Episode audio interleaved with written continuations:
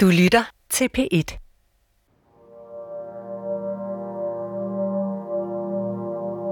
I en stor, mondæn bygning i Amaliegade 7 i København, lige ved Amalienborg og Kongehuset, holder bankernes interesseorganisation Finansrådet til.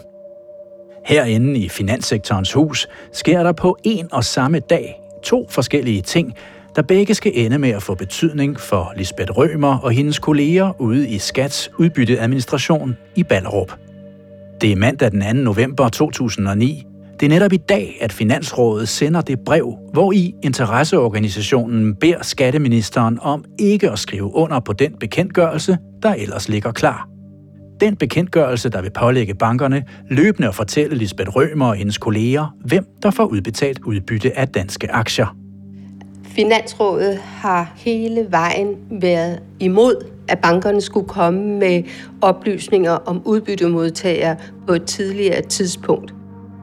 Ministeren skriver herefter aldrig under, og bekendtgørelsen træder som bekendt ikke i kraft. Bankerne har til gengæld et andet projekt, de gerne vil fremme. For samtidig med at bankerne modsætter sig Lisbeth Rømers og hendes kollegers forslag, der skulle føre til mere kontrol fra skattemyndighedernes side, ja, så foreslår bankerne noget andet. Noget, der vil føre til, at myndighederne bliver mindre involveret i håndteringen af udbytteskat. Den selv samme dag, mandag den 2. november 2009, skriver bankernes interesseorganisation således udkast til en aftale, som bankerne omvendt gerne vil have, at skat skal skrive under på. En aftale, der vil medføre, at udenlandske aktionærer slet ikke behøver at kontakte skat for at få refusion, men automatisk får udbetalt de penge, de har krav på. En aftale, der betyder, at bankerne i endnu højere grad overtager skats administration af udbytteskat.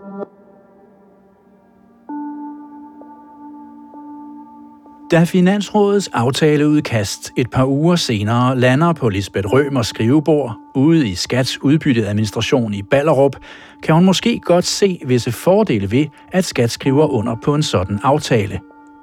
Hun har gennem noget tid drøftet den foreslåede model med bankerne, og mener umiddelbart, at den ikke bare giver aktionærerne en bedre service og kan fritage skat fra en del arbejde, men at den samtidig også kan begrænse eller måske ligefrem løse et af de problemer, som hun og hendes kolleger har med refusion af udbytteskat til hemmelige aktionærer. Løse det problem, som er, at vi ikke kender de udenlandske aktionærer med aktierne i omnibusdepoter. Og det kunne måske løses ved det, vi kalder nettoafregning. Den her model, nettoafregning, strider bankerne i det mindste ikke imod. Og Lisbeth Rømer er mere eller mindre klar til at skat skriver under.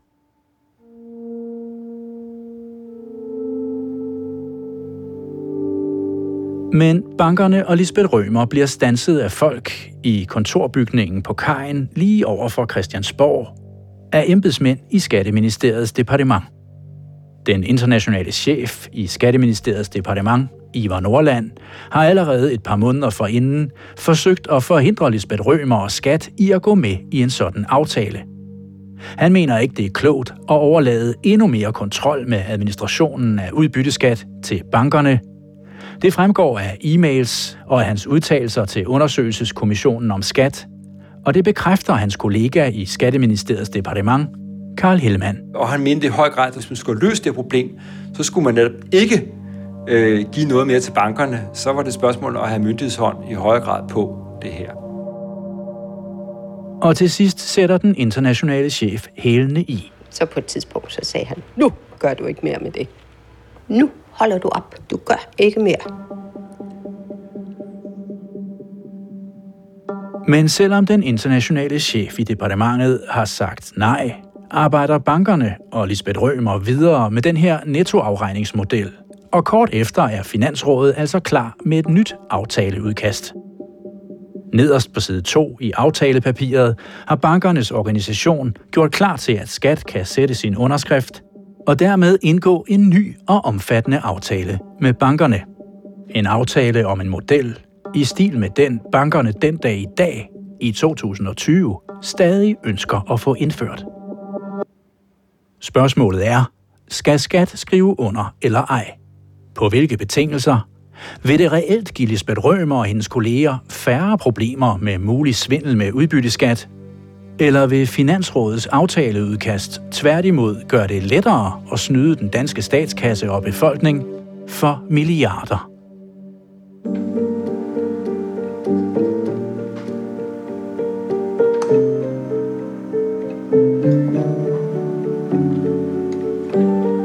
Det her er De Hemmelige Aktionærer, en undersøgelse af, hvorfor huller, der har ført til formodet milliardsvindel med udbytteskat, ikke er blevet lukket, når man har kendt til hullerne i overvis.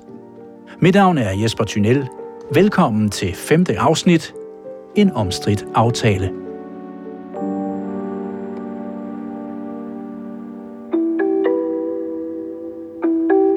Bankernes ønske om at indføre mere såkaldt nettoafregning af udbytteskat går i virkeligheden langt tilbage i tiden. Modellen går i bund og grund ud på at opkræve en lavere skat på aktieudbytte til aktionærer i udlandet allerede fra starten af. Altså at fratrække den rigtige skatteprocent, inden aktieudbyttet overhovedet bliver udbetalt. Det vil fritage udenlandske aktionærer fra først at få indbetalt fuld dansk udbytteskat og så bagefter skulle bruge tid på at få refunderet og udbetalt en del af pengene igen. Aktionærerne kan på den måde slippe for at skulle bede om refusion. Fordi så får aktionæren det udbytte, han skal have, umiddelbart, uden besvær, nemt, hurtigt og effektivt. Helt tilbage i begyndelsen af 90'erne, altså før Lisbeth Rømer og Jette Sester begyndte at beskæftige sig indgående med udbytteskat, ja, der indgik Skat og Værdipapircentralen VP rent faktisk også en aftale om i begrænset omfang at indføre noget sådan. Aftalen om den såkaldte VP-ordning. En ordning, hvor visse udenlandske aktionærer på visse betingelser kan få lov til at betale mindre i skat fra starten af, og dermed slippe for efterfølgende at søge refusion. Og det vil sige, at Danmark kun indeholder den udbytteskat, som Danmark har krav på. Den eksisterende VP-ordning gælder imidlertid ikke for hemmelige aktionærer. I et forsøg på at begrænse svindel og skattesnyd gælder den eksisterende VP-ordning kun for aktionærer, der placerer deres aktier i et depot i en dansk bank i deres eget navn, et navn, som løbende bliver indberettet til skat. VP-ordningen gælder derfor ikke for aktier i depot i udenlandske banker, og slet ikke i omnibus- eller nomini-depoter, hvor de egentlige aktionærer kan skjule sig for myndighederne. Den eksisterende ordning kræver, at skat ved, hvem aktionærerne er. Det er klart, her vil omnibus jo være no-go. Herudover kræver VP-ordningen, at aktionærerne fremlægger en bopælsattest, som udenlandske myndigheder har skrevet under på, og som viser, at aktionærerne bor og er skattepligtige i et land, hvor de reelt har ret til at slippe billigere i skat i Danmark. Så set fra Jette Sesters skrivebord inde i Skats hovedcenter på Østerbro i København, tilbyder den eksisterende VP-ordning således i princippet nettoafregning under kontrollerede forhold, som hun kalder det, i hvert fald i princippet. Så på den måde kan man sige, at VP-ordningen var måske en af de rigtig gode. Men de eksisterende krav til aktionærerne kommer gradvist under pres. En arbejdsgruppe med repræsentanter fra blandt andet bankerne og Skatteministeriet offentliggør i august 2002 en rapport, der anbefaler, at VP-ordningen bliver udvidet, så aktionærer med depot i udenlandske banker også kan være med. Den eksisterende VP-ordning kræver som sagt, at aktierne skal ligge i depot i en dansk bank, ikke en bank i London, Paris eller et andet sted ude i verden. Og så længe aktierne på den måde har skulle ligge i en dansk bank, ja, så har skat i det mindste haft mulighed for selv at gå ud og kontrollere bankernes administration af ordningen og sikre, at aktionærerne betaler den skat i Danmark, de skal, forklare Jette Sester tidligere undersøgelser har vist, at det ikke gik så godt, mm. men du havde stadigvæk muligheden for år efter år at gå ud og punkte dem oven i hovedet og sige, I må gøre det bedre. Ellers så må I ryge ud. Og den kontrolmulighed bliver svækket, hvis udenlandske banker rundt i verden fremover også skal have lov til at lade aktionærer betale mindre i skat i Danmark fra starten af, mener hun. Du havde en hjemmel til, du kunne gå ud og, og sige, at det her det er ikke godt nok. Det har du ikke med de andre. Men for at give mindre besvær og ulejlighed hos investorerne, som arbejdsgruppen skriver, foreslår gruppen altså, at man fjerner kravet om, at aktierne skal ligge i depot i en dansk bank. Fordelene herved er, at langt flere aktieejere vil føle sig tilskyndet til at benytte VP-ordningen, når deponeringen kan foregå i deres eget lands pengeinstitutter og herunder undgå sprogproblemer. Skriver arbejdsgruppen, og foreslår, at man i stedet indgår aftaler med udenlandske banker om, at de vil fremlægge oplysninger og dokumentation, hvis skat beder om det. Arbejdsgruppen mener, at VP-ordningen i det hele taget bør udvides til at gælde stort set alle aktionærer i alle lande, som Danmark har en dobbeltbeskatningsoverenskomst med.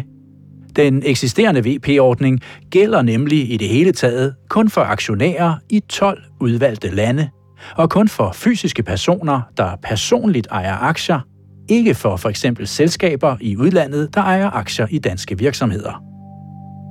Hvis stort set alle udenlandske aktionærer bliver omfattet af VP-ordningen, også selvom deres aktier ligger i depot i udenlandske banker rundt omkring i verden, ja, så mener arbejdsgruppen, at både aktionærer, selskaber og skat hvert år kan slippe for at udfylde og behandle op til 13.000 blanketter i forbindelse med refusion af udbytteskat. Og at de dermed kan slippe af med, hvad arbejdsgruppen betegner som tunge og langsommelige tilbagebetalingsprocedurer. Det er det, der først og fremmest er i fokus. Men erfaringerne med de danske bankers administration af VP-ordningen er mildest talt ikke særlig gode. Da Skat i sommeren 2000 undersøger to danske bankers registrering af de kunder, der nyder godt af den eksisterende VP-ordning, ja, så viser det sig, at bankerne i langt de fleste tilfælde i virkeligheden ikke har papirerne i orden. Undersøgelsen viser, at bankerne i to tredjedele af sagerne ikke har sikret sig korrekt dokumentation, inden de har lavet udenlandske aktionærer betale mindre i skat i Danmark. Det fremgår af flere dokumenter. Det er kunderegistreringen, som der er galt med. Det handler om, om kunderegistrering generelt hos de kontoførende institutter, som er utrolig mangelfuld, og det ved vi. Og når bankernes kunderegistrering ikke er i orden, ja, så kan det koste statskassen penge. I VP-ordningen er det nemlig ikke skat, men bankerne, der tager imod, kontrollerer og ligger inde med for eksempel en bopælsattest for hver enkelt aktionær. Skat ser som udgangspunkt slet ikke papirerne. Det er derfor også bankerne, der i praksis beslutter, om en aktieejer skal have trukket for eksempel 28 procent, 15 procent eller kan nøjes med at få trukket 0 procent i dansk udbytteskat, forklarer Jette Sester. Det var deres kunderegistrering, der skal vise, hvor meget at du øh, skal pligte her. Det vil sige, at de faktisk laver afgørelser på skatsvejen. Bor aktionæren i virkeligheden i Danmark, skal der betales fuld dansk udbytteskat. Bor aktionæren for eksempel i Holland, er det kun 15 procent. Og kan vedkommende dokumentere, at han bor og er skattepligtig til Malaysia, ja, så er skatten 0. Derfor kan staten, og dermed de danske skatteborgere, miste penge, hvis ikke bankerne sørger for at kræve korrekt dokumentation og registrering af hver enkelt udenlandsk aktionær, der er med i VP-ordningen. Da Lisbeth Rømer to år senere, i 2002, bliver chef for Skats udbytteafdeling, forsøger hun og Jette Sester således efterfølgende flere gange at få styrket kontrollen med bankernes administration af VP-ordningen. Det fremgår af en række e-mails og notater. I november 2004 advarer Lisbeth Rømer og hendes regionschef for eksempel i et notat om, at der reelt ikke er kontrol med, om bankerne stadigvæk lader deres kunder slippe for at betale fuld dansk udbytteskat, uden at have dokumentationen i orden. Kontrollen med pengeinstitutternes administration af udbytteskatteindholdelsen bør tages alvorligt, således at VP-ordningen ikke kører efter pengeinstitutternes for godt befindende. Vedlagte rapport af 20. juli 2000 viser, at kun 37 procent af depoter med reduceret indeholdelse har korrekt dokumentation. Pengeinstitutternes administration af ordningen er ikke kontrolleret siden. Når danske banker i mange tilfælde mangler den krævede dokumentation, betyder det ikke nødvendigvis, at der er tale om skattesnyd. Men det betyder altså, at de danske banker i langt de fleste tilfælde slet ikke burde have udbetalt pengene og lavet aktionærerne i VP-ordningen betale mindre i dansk skat end andre, forklarer Lisbeth Rømer.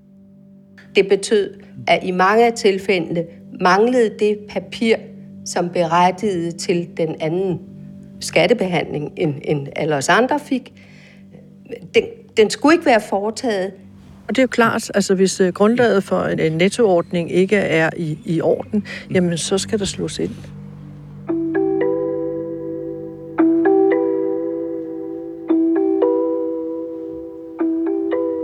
Kravet om, at dokumentationen og aktierne skal ligge i depot i en dansk bank, bliver der heller ikke afskaffet lige med det samme. Arbejdsgruppens forslag om at udvide VP-ordningen til også at omfatte aktier, der ligger i depot i udenlandske banker rundt omkring i verden, vælger Skatteministeriet fra. Det sker, da ministeriet i forbindelse med udbyttereformen i 2003 i et forsøg på at afskaffe flere blanketter og administrative byrder, godt nok følger en del af arbejdsgruppens andre forslag om at udvide VP-ordningen og skriver ind i lovbemærkningerne, at Ordningen vil blive søgt udvidet til at gælde for samtlige lande, hvormed Danmark har indgået en dobbeltbeskatningsaftale, og udvidet til at gælde for selskaber. Men altså ikke udvidet til også at gælde aktier i depot i udenlandske banker. Der går grænsen for ministeriet. På den måde, så kunne i, i hvert fald øh, jeg personligt godt gå med til, at man udvidede VP-ordningen, fordi det er under kontrolleret forhold.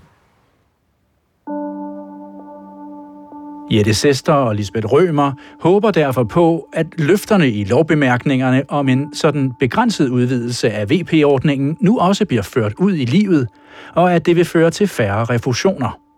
Det kan jeg se i flere notater fra 2004 og 2005. Derfor glæder det dem også, da Skats øverste direktør, kort før jul 2005, udsteder en bekendtgørelse, der gør det muligt at udvide den eksisterende VP-ordning til at omfatte flere aktionærer fra flere lande. Men altså stadig på betingelse af, at aktionærerne deponerer deres børsnoterede aktier i en dansk bank og i deres eget navn. Og der har du også det danske pengeinstitut, som du kan gå hen og kontrollere, og som du måske også kan gøre ansvarlig for, hvis de ikke har, har øh, opfyldt betingelserne for en nettoafregning. Ude i Skats udbytteadministration i Ballerup mener Lisbeth Rømer, at en sådan udvidelse af VP-ordningen måske ligefrem kan være med til at løse nogle af problemerne med de mange refusioner af udbytteskat. I august 2006 sætter hun sig ved sin computer og skriver et notat, hvor i hun giver udtryk for, at så længe mange aktionærer er hemmelige for skat, så er det mere sikkert at få dem over i en udvidet VP-ordning, hvor de mod på forhånd at fremlægge navn og bopælsattest til gengæld kan få udbetalt det rigtige beløb med det samme, når de får udbetalt aktieudbytte. Hun skriver, dette er en fordel for udbytteskatteadministrationen, som får færre refusioner. Og det er desuden meget mere sikkert, end at skulle refundere til nogen, som bare søger, og som vi pt. ikke kender. At så skulle den udenlandske aktionær overhovedet ikke tilbagesøge, ønsker at få refunderet noget, for det var allerede gjort. Det ville være en sikrere måde at opkræve udbytteskat på. Men hun påpeger samtidig, at skat så til gengæld også skal begynde at føre bedre kontrol med de danske banker og deres administration af ordningen. Der skal dog være styrket kontrol med registreringerne i pengeinstitutterne, som ikke er særligt korrekte. En undersøgelse i 2000 viste, at to ud af tre var forkerte eller mangelfuldt dokumenteret. Det er ikke undersøgt siden, men stikprøver viser, at det ikke er blevet bedre. På trods af hendes angiveligt fortsat dårlige erfaringer med bankernes administration af VP-ordningen her i 2006, mener Lisbeth Rømer således alligevel, at skat for de aktionærer, der vil gå med over i en sådan ordning, kan opnå større sikkerhed med nettobetaling end ved refusioner, som hun skriver. Et budskab, hun nogle måneder senere gentager og skriver ind i det omfattende problemkatalog, som hun og Jette Sester udarbejder sammen.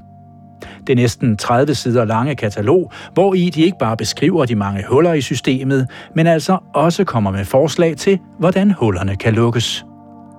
Forslag, kolon.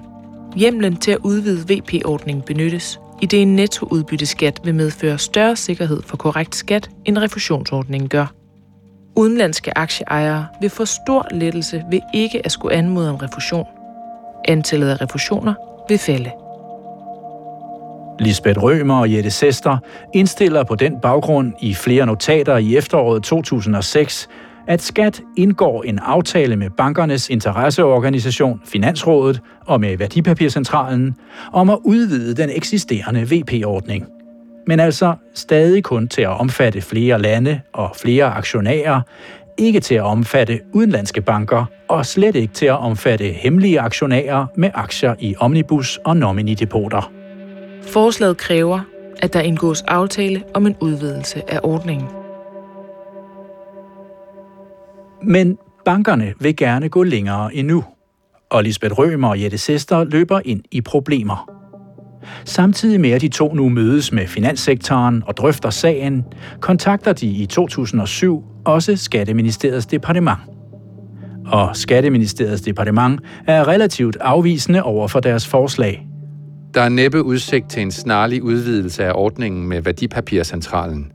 Lyder svaret i et notat til skat i september 2007, uden yderligere argumentation. Jamen, det betyder jo så, at vi har i hvert fald lidt lange udsigter med at få vores ønsker igennem. Få dage forinden har bankernes interesseorganisation, Finansrådet, også skrevet til ministeriet, og i forbindelse med et lovforslag foreslået en mere omfattende udvidelse af ordningen, som også vil tillade nettoafregning til aktionærer, der har deres aktier i depot i en udenlandsk bank. Men Skatteministeriet afviser også Finansrådets mere vidtgående forslag og henviser til, at problemet er, at bankerne sjældent ved, om aktionærerne reelt opfylder betingelserne i det konkrete lovforslag for at betale mindre i dansk udbytteskat. Og det derfor er bedre, at aktionærerne efterfølgende selv skal godtgøre, at de har ret til pengene. Altså bedre, at de fortsat skal bede om refusion. På den måde skyder Skatteministeriets departement i praksis både bankernes og Skats forslag til hjørne. Og udsigterne til, at Lisbeth Rømer og Jette Sester for deres begrænsede forslag igennem, bliver sådan set kun endnu mere fjerne, da departementet igen i november 2007 og i august 2008 gentager sin tilbageholdenhed over for ønsket om at udvide VP-ordningen, og over for de andre forslag, som Lisbeth Rømer og Jette Sester i forsøg på at få lukket hullerne i systemet, samtidig også sender op i departementet igen og igen. Så vi må kæmpe videre op på hesten igen. Og det gør vi.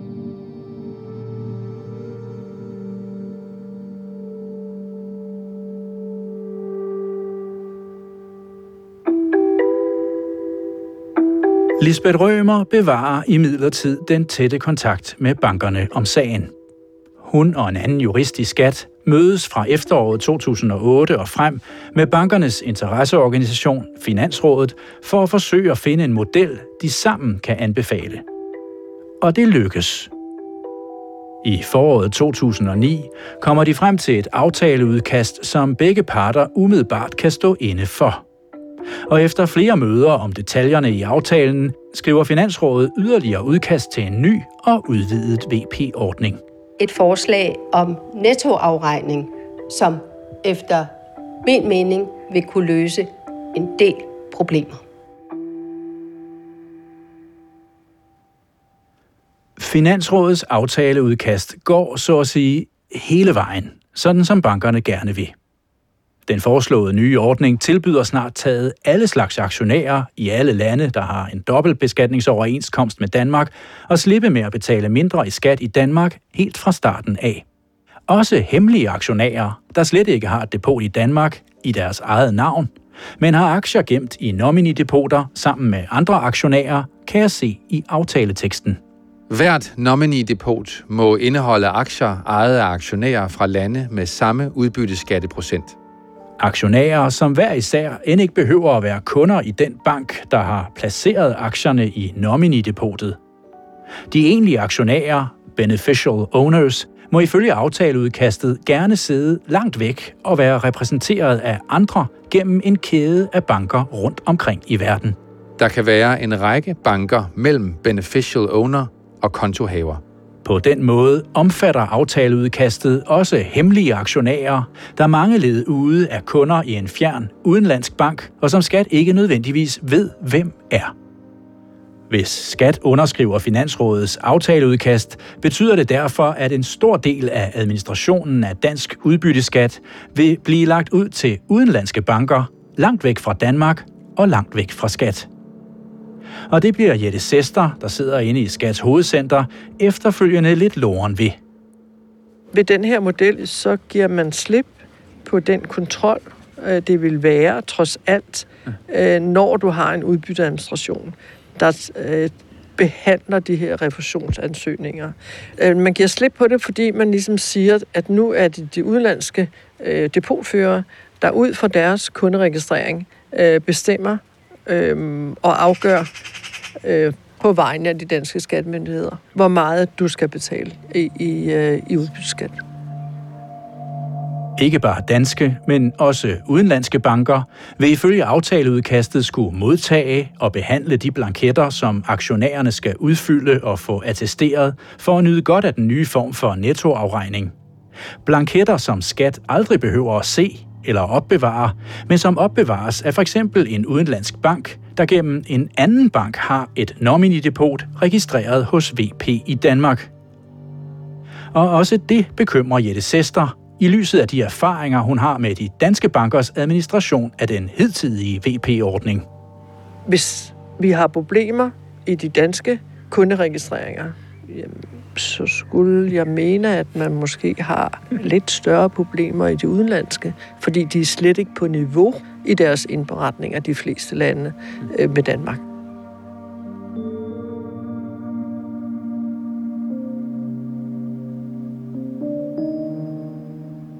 Når Lisbeth Rømer ude i Skats udbytteadministration i Ballerup nu alligevel åbner op for også at lade hemmelige aktionærer indgå i VP-ordningen, er det fordi hun umiddelbart mener, at fordelene ved Finansrådets aftaleudkast trods alt er større end ulemperne. Hun er sådan set godt klar over, at Finansrådets forslag vil medføre en risiko for, at statskassen får for lidt ind i udbytteskat, hvis den nye aftale bliver skrevet under og træder i kraft.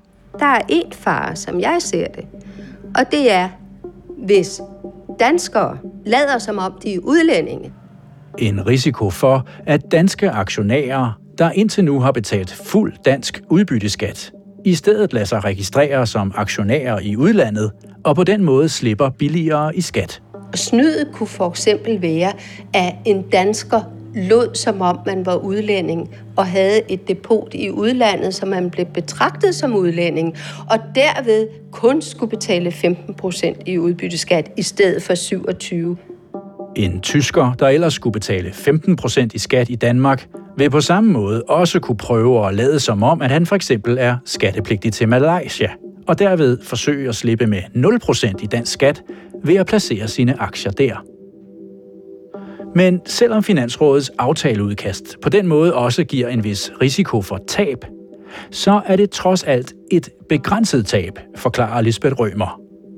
Hver enkelt aktionær kan allerhøjst snyde sig til at betale 0% i skat – og kun dem, der rent faktisk får udbetalt aktieudbytte, kan bruge den ordning til at snyde. Ikke folk, der påstår, at de ejer aktier, som de slet ikke har. Når hun og hendes kolleger udbetaler refusion af udbytteskat, kan aktionærer derimod hive penge op af statskassen, som slet ikke er blevet indbetalt, og blive ved med at hive penge op af statskassen igen og igen, forklarer hun. Når det gælder refusion af udbytteskat, kan statskassen altså i princippet få ubegrænset store tab. Så er det jo altså kun én gang en aktie kan snydes på, og ikke som når man laver refusion i 100.000 vis, har man indtryk af, at man siger, at man har aktier, som man slet ikke har. Derfor er hun mere eller mindre klar til, at Skat underskriver Finansrådets udkast til en ny aftale om nettoafregning, også selvom den også omfatter hemmelige aktionærer, der har deres aktier i nominidepoter i banker rundt omkring i verden.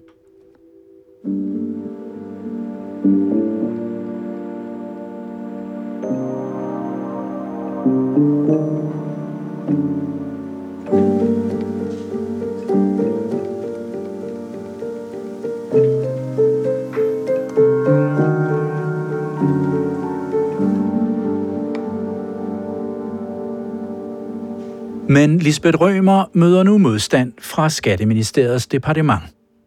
Da den internationale chef i departementet, Ivar Nordland, hører om Lisbeth Rømers planer, gør han klart, at han er modstander af en ordning som den, hun fortæller om, og som skat til synladende er på vej til at skrive under på.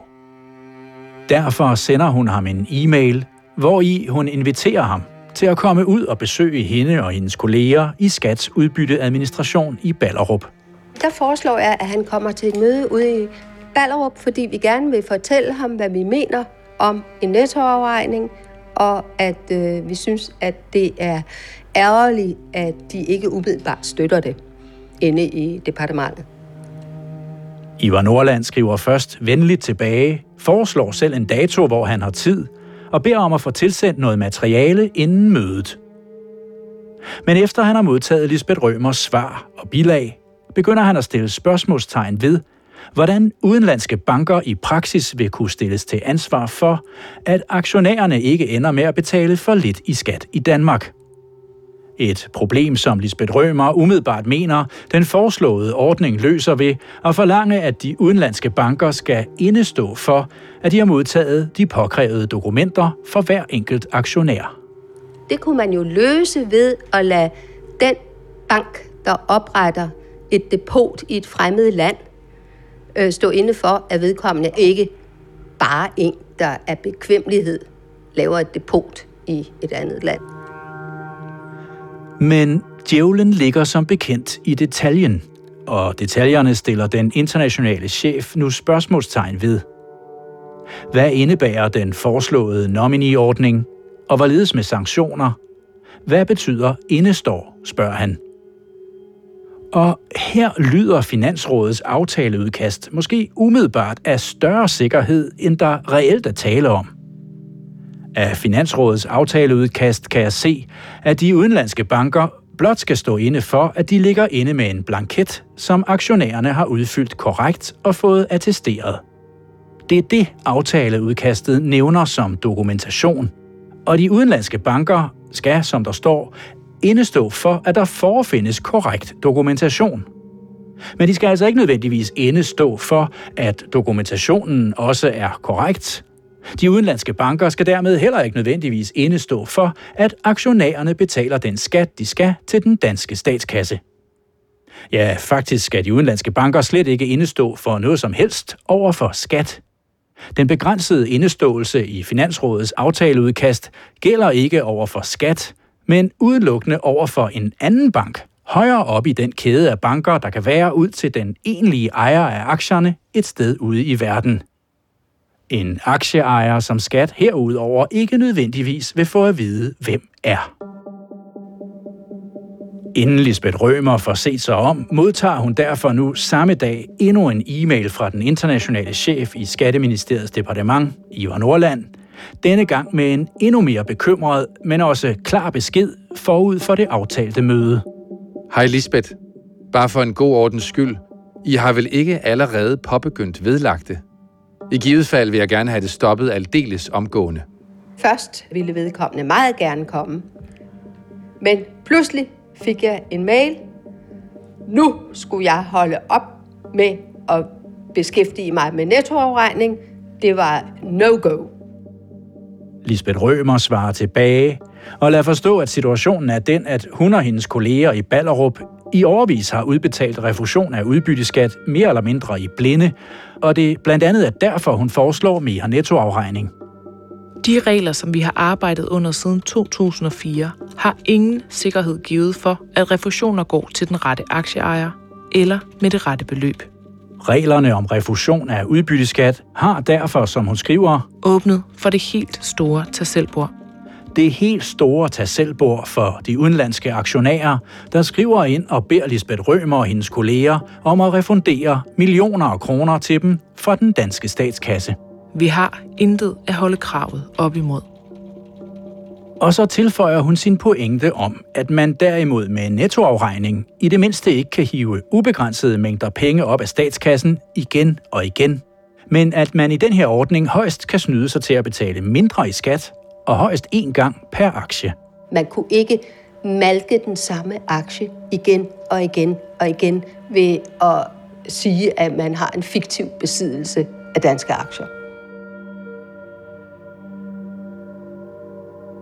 Men den internationale chef i Skatteministeriets departement mener, at Finansrådets aftaleudkast vil indføre et system uden systematisk kontrol, hvor bankerne overtager administrationen af udbytteskat, uden at skat for at vide, hvem aktionærerne er. Det fortæller han senere til undersøgelseskommissionen om skat.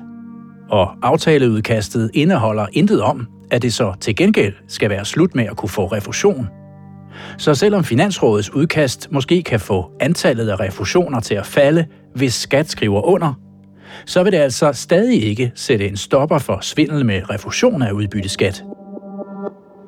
Han afbryder derfor nu kontakten og skriver til Lisbeth Rømer, at hun fremover må gå kommandovejen, hvis hun vil have ændret noget. Og så aflyser han mødet. Det vil sige, at der ikke bliver noget møde, skriver han. Han kom desværre aldrig. Modviljen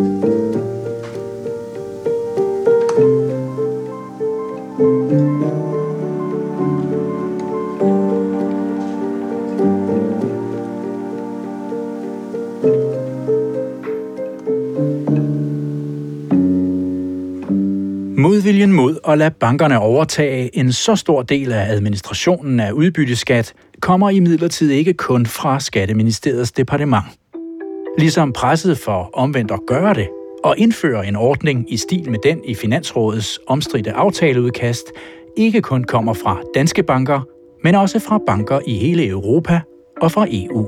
Og i den sammenhæng så forhandlede jeg og indgik jeg i forhandlingerne i EU.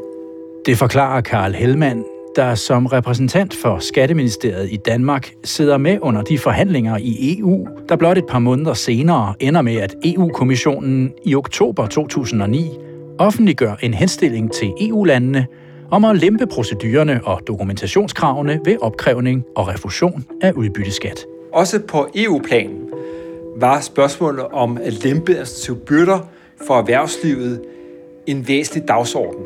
Også i forbindelse med refusion af udbytteskat.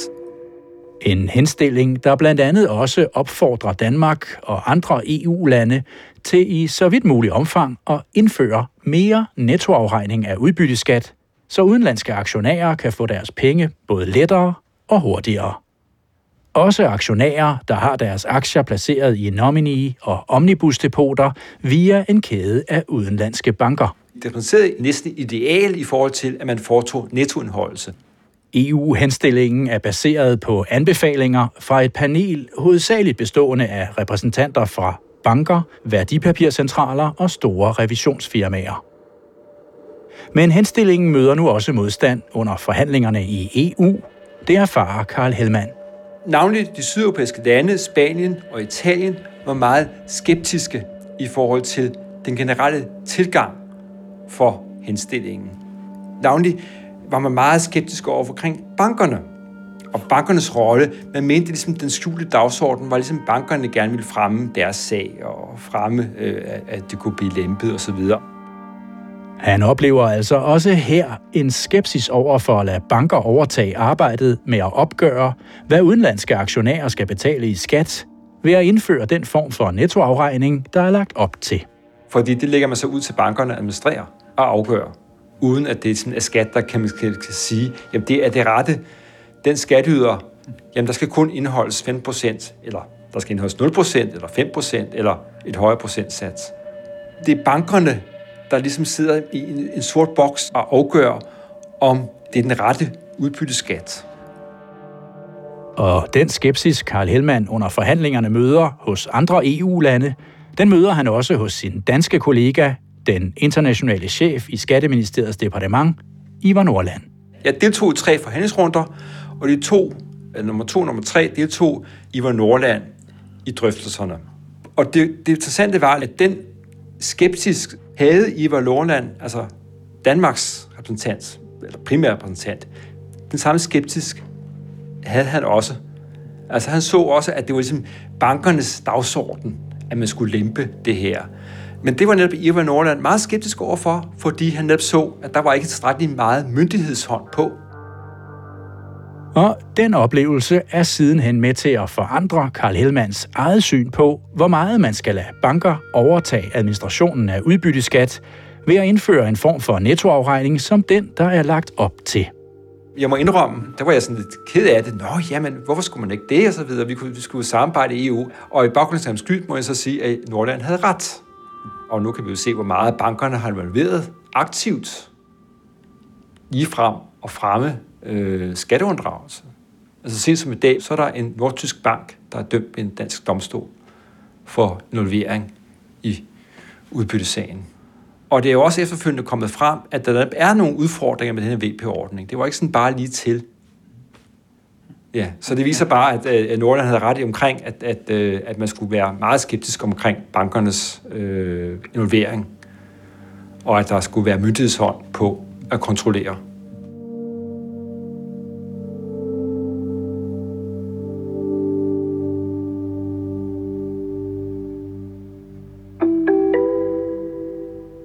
Da Lisbeth Rømer i slutningen af 2009, en måneds tid efter EU-kommissionen har offentliggjort sin henstilling, igen kører ud for at mødes med den finansielle sektor i Danmark, må hun således nu meddele de andre på mødet, at Skatteministeriets departement ikke er tilfreds med Finansrådets udkast til en ny aftale om nettoafregning, og hun har fået besked på, at Skat ikke må underskrive aftalen, men skal have grønt lys først, sådan som aftaleteksten ser ud lige nu. Skatteministeriets departement har i efteråret 2009 herudover forsøgt at regne ud, hvor meget bankerne overhovedet opkræver i skat af de penge, de udbetaler i aktieudbytte gennem den eksisterende VP-ordning. Og har i et notat konkluderet, at det er vanskeligt at sætte præcise tal på, men at det ser ud til at være relativt få penge, staten får ind via bankerne. Provenyet fra den såkaldte VP-ordning synes at være meget lavt,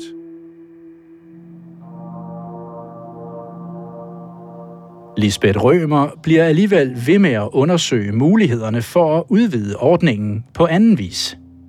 I de kommende måneder holder hun og Jette Sester nye møder med finanssektoren og kræver nu at få at vide præcis hvilke dokumenter og oplysninger de enkelte banker rent faktisk ligger inde med om aktionærerne, når det gælder de allerede eksisterende ordninger. Bankernes svar lander kort tid efter i Lisbeth Rømers mailbox. I de eksisterende ordninger herunder bankordningen, ligger bankerne stort set inde med de samme dokumenter og oplysninger om aktionærerne, som de vil komme til ifølge Finansrådets forslag til en aftale om udvidet nettoafregning, som bankerne og skat i efteråret var tæt på at indgå, skriver bankerne. Men med en væsentlig undtagelse kan Lisbeth Rømer nu læse sort på hvidt. Dog med den ændring, at vi som depotbank ikke har en løbende fortegnelse over beneficial owner – nemlig den undtagelse, at de danske banker heller ikke løbende vil få at vide, hvem de reelle aktionærer er, hvis skat skriver Finansrådets aftaleudkast under. De danske banker vil altså ikke nødvendigvis vide, hvem der er beneficial owner af de aktier, der ligger i nominidepoter, og som med aftalen vil få lov til at slippe billigere i skat. Ikke med mindre skattemyndighederne eksplicit beder om at få udleveret papirer på, hvem der gemmer sig bag bestemte aktieposter.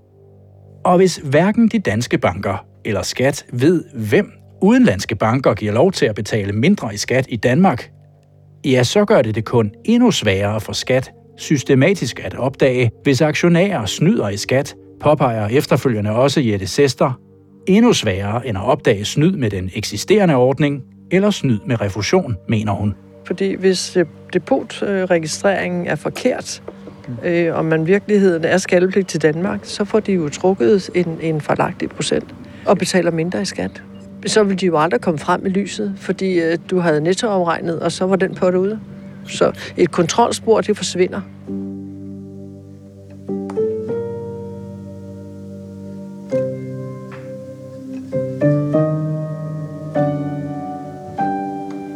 Lisbeth Rømer vender herefter på en tallerken og skifter nu også tilgang.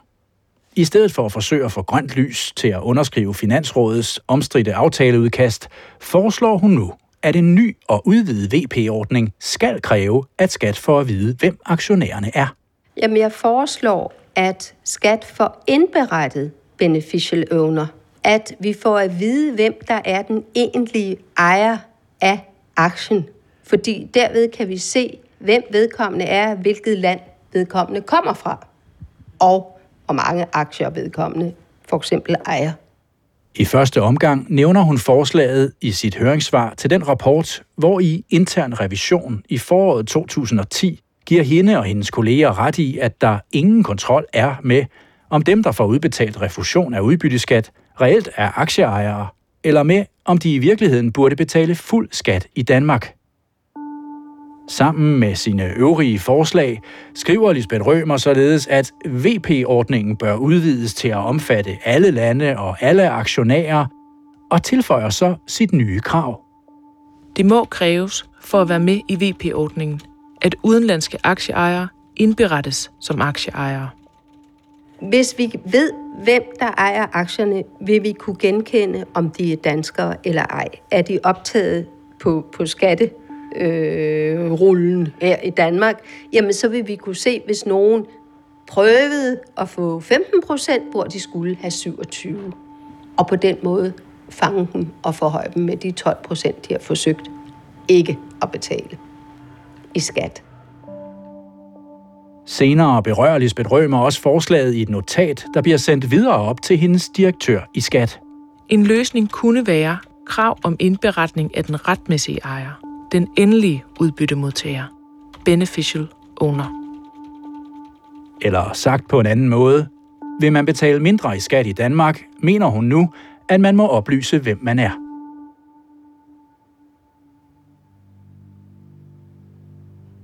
Lisbeth Rømers forslag om, at skat skal have oplyst navnene på de egentlige aktionærer, hvis de skal nyde godt af en udvidet VP-ordning, giver hende imidlertid nye problemer på halsen. Det er en løsning, som vil være uendelig meget bedre, men den er ikke ganske nem, fordi det kan være vanskeligt at få beneficial owner oplysningen, når vi er ude i 4., 5., 6. bankled, før vi finder den endelige ejer af aktien. Hvis aktierne ligger i depot i en udenlandsk bank, og er repræsenteret gennem en kæde af banker i nomini- eller omnibusdepoter, så vil skat skulle have navnet på den retmæssige ejer fra en bank et sted ude i verden. Det kan da være vanskeligt at kræve, ligesom det kan være svært at kontrollere, om det nu også er den reelle ejer i det rigtige land, som skat får oplyst navnet på, hver eneste gang en bank giver nogen lov til at slippe billigere i dansk skat, påpeger Jette Sester. Du kan jo ikke kontrollere den beneficial owner, om det er den rigtige. Du har ikke noget ejerregister, så hvem skal vi kontrollere det op imod? Kontrollen er væk. Fuldstændig.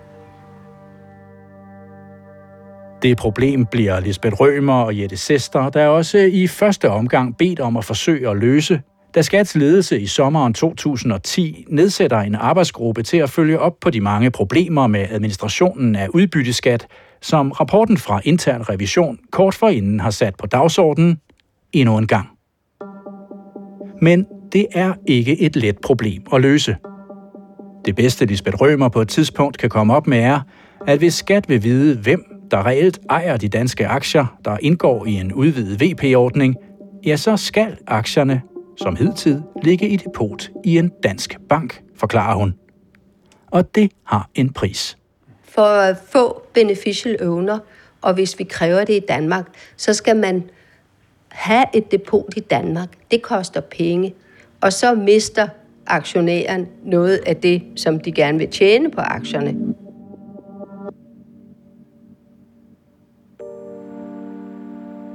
Herudover er der også et andet væsentligt problem. Selvom en udvidet VP-ordning måske nok vil kunne nedbringe antallet af refusioner, så vil den ikke i sig selv forhindre svindel med refusion af udbytteskat. Det gælder både for Finansrådets model og for Lisbeth Rømers mere kontrollerede model, der ikke tillader nettoafregning til hemmelige aktionærer. Hvis nogen vil forsøge at svindle sig til refusion, de ikke har ret til, vil de nemlig fortsat kunne gøre det, så længe refusionsordningen kører videre i et spor for sig ved siden af. Altså med mindre man så samtidig beslutter at lukke helt af for refusion af udbytteskat, så man fremover kun kan bruge VP-ordningen. Altså sætte en stopper for al refusion. Det forklarer flere embedsmænd, blandt andre Jette Sester. Så kunne man så lave en lov og sige, at altså det er VP-reglen, altså den der særlige aftale, der gælder, men det ønske har man jo ikke.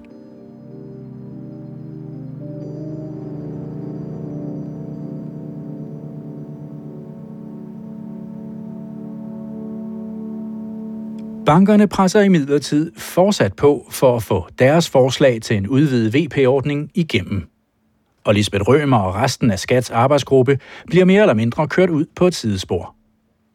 Da bankernes interesseorganisation Finansrådet i december 2010 skal til møde i Skatteministeriets departement, påpeger organisationen inden mødet endnu en gang, at bankerne gerne vil have VP-ordningen udvidet til også at gælde aktier i omnibusdepoter. Altså også i de depoter, hvor skat ikke umiddelbart ved, hvem aktionærerne er. På mødet i ministeriet oplyser Skatteministeriets departement nu, at der er sat en stopper for samarbejdet mellem bankerne og Lisbeth Rømer og hendes kolleger i Skat på det område. Der vil ikke i den forbindelse blive foretaget yderligere med henblik på nettoindeholdelse af kildeskatter for udbytter fra aktier i omnibusdepoter. Det arbejde er som nævnt indstillet fuldstændigt. Står der i et briefingnotat til mødet. Lisbeth Rømer og resten af arbejdsgruppen bliver herudover også afskåret fra selv at arbejde videre med sagen. Arbejdsgruppen får i foråret 2011 skåret en del af sit kommissorium væk, så den i det hele taget ikke længere skal komme med forslag til sikring af udbytteskat fra udlændinge. Og så er det ikke længere, som det har været indtil da, er et krav, at arbejdsgruppen i størst mulig omfang skal indføre nettoafregning af udbytteskat og den beslutning står ved magt. Også selvom et folketingsvalg senere på året i 2011 betyder, at regeringen skifter farve fra blå til rød. Og derfor er det også i dag, vi skal sige velkommen til en ny statsminister, Helle thorning Schmidt. Dagen efter den nye regering er trådt til, skriver Lisbeth Rømer et notat til departementet, hvor i hun endnu en gang opregner de mange problemer på området og blandt andet foreslår, at man indfører mere nettoafregning. Men hun får det svar, at det ikke kan svare sig, som der står. Jeg får en mail med nej. De har taget stilling til mit notat, og øh, de er ikke særlig begejstrede. Både før og efter regeringsskiftet bliver afslagene begrundet med, at der er sat et projekt i søen i den internationale samarbejdsorganisation OECD, et projekt ved navn Trace, som Lisbeth Rømer og Jette Sester mener, bliver brugt som et påskud til fortsat ikke at gøre noget ved de problemer, de står med. Trace var jo en eller anden begrundelse for, at vi ikke kunne få nettoafregning. Vi ved jo, at arbejdet med OECD øh, kan tage et år, fordi det er en lang, lang, lang proces. Herudover bygger Trace-projektet i høj grad også på den internationale finanssektors ønsker og forslag. Det fremgår af dokumenter fra OECD. Og det fremgår også allerede fra starten af, at OECD's Trace-projekt heller ikke vil afskaffe refusionerne, men vil tilbyde aktionærer en frivillig form for nettoafregning, også af aktier i omnibus- og nominidepoter i andre lande, hvor skattemyndighederne først op til et år efter, at pengene er udbetalt og væk, vil få at vide, hvem aktionærerne er. Altså en model, der hverken forhindrer svindel med refusion eller svindel med nettoafregning, men som i høj grad vil lægge administrationen af udbytteskat ud til udenlandske banker, påpeger Jette Sester. Men det, de foreslår her, jamen så lukker vi jo bare vores øjne fuldstændig. Altså, fordi nu kan vi ikke engang se problemet mere. Og uanset hvor Trace-projektet eventuelt bevæger sig hen, så udskyder man på den måde under alle omstændigheder en løsning af problemerne flere år ud i fremtiden, forklarer hun. Man skyder det til hjørne og venter på at lige at kigge på, hvad Trace kommer med. Øhm, okay, og hvorfor de gør det, det, det må, må guderne vide. Fordi at øh, advarslerne er der jo stadigvæk.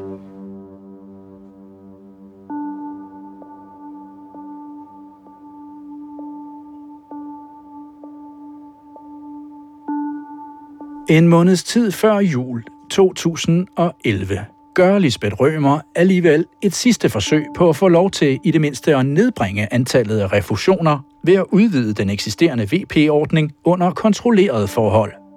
Altså under forudsætning af, at aktierne ligger i depot i en dansk bank, som fortæller skat, hvem aktionærerne er. Hun går nu i rette med departementets påstand om, at det ikke kan svare sig at udvide VP-ordningen, og påpeger, at der er milliarder af kroner på spil. Jeg øh, skriver så en mail den 21. november til to medarbejdere i departementet. Kære Begge, jeg er meget ked af at erfare, at der ikke er opbakning til mere nettoafregning. Vi har en meget kritisk revisionsrapport om refusioner, som der så ikke gørs noget ved. Og der er før 1. oktober 2011 refunderet mere end 1 milliard, så det er ikke småpenge, vi taler om. Og jeg skriver også til dem, at jeg fortsat mener, at krav om indberetning af en beneficial owner er bedre for at få nettoafregning, end det med refusionerne, som er helt i blinde.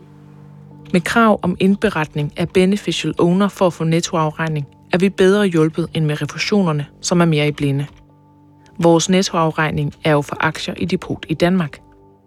Og så mener jeg at have hørt, at OECD først er klar med noget i 15 eller 16, og vi står i 2011 nu. Så det er der nogen tid. Der er jo altså 4, 5 og måske flere år, før der kommer noget nyt, og vi kaster en milliard ud om året, så man kan da godt sige, at der kunne være noget tjent ved at sætte noget i værk på det her område.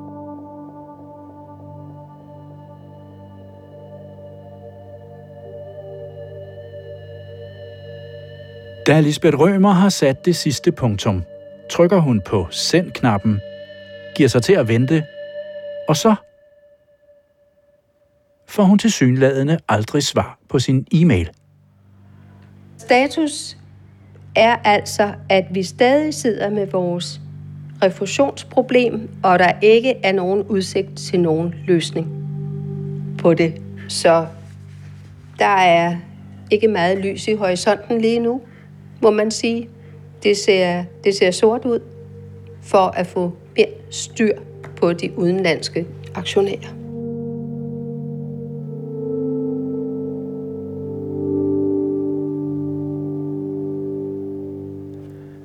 Vi har forelagt alle påstande vedrørende bankerne og Finansrådet for Finans Danmark, som den finansielle sektors interesseorganisation hedder i dag. Finans Danmark er ikke kommet med nogen indvendinger eller præciseringer hertil, men bekræfter, at Finansrådet under forløbet fremlagde det omtalte udkast til en aftale om en udvidet VP-ordning, og skriver, at finanssektoren mente, at det var det mest optimale redskab.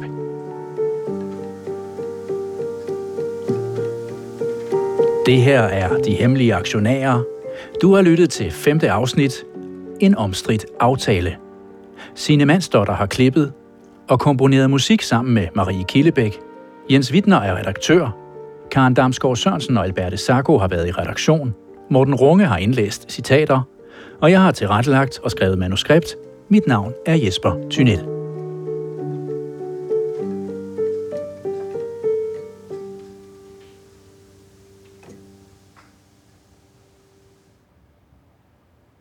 Du kan høre flere P1-podcasts i DR's radio-app. Det giver mening.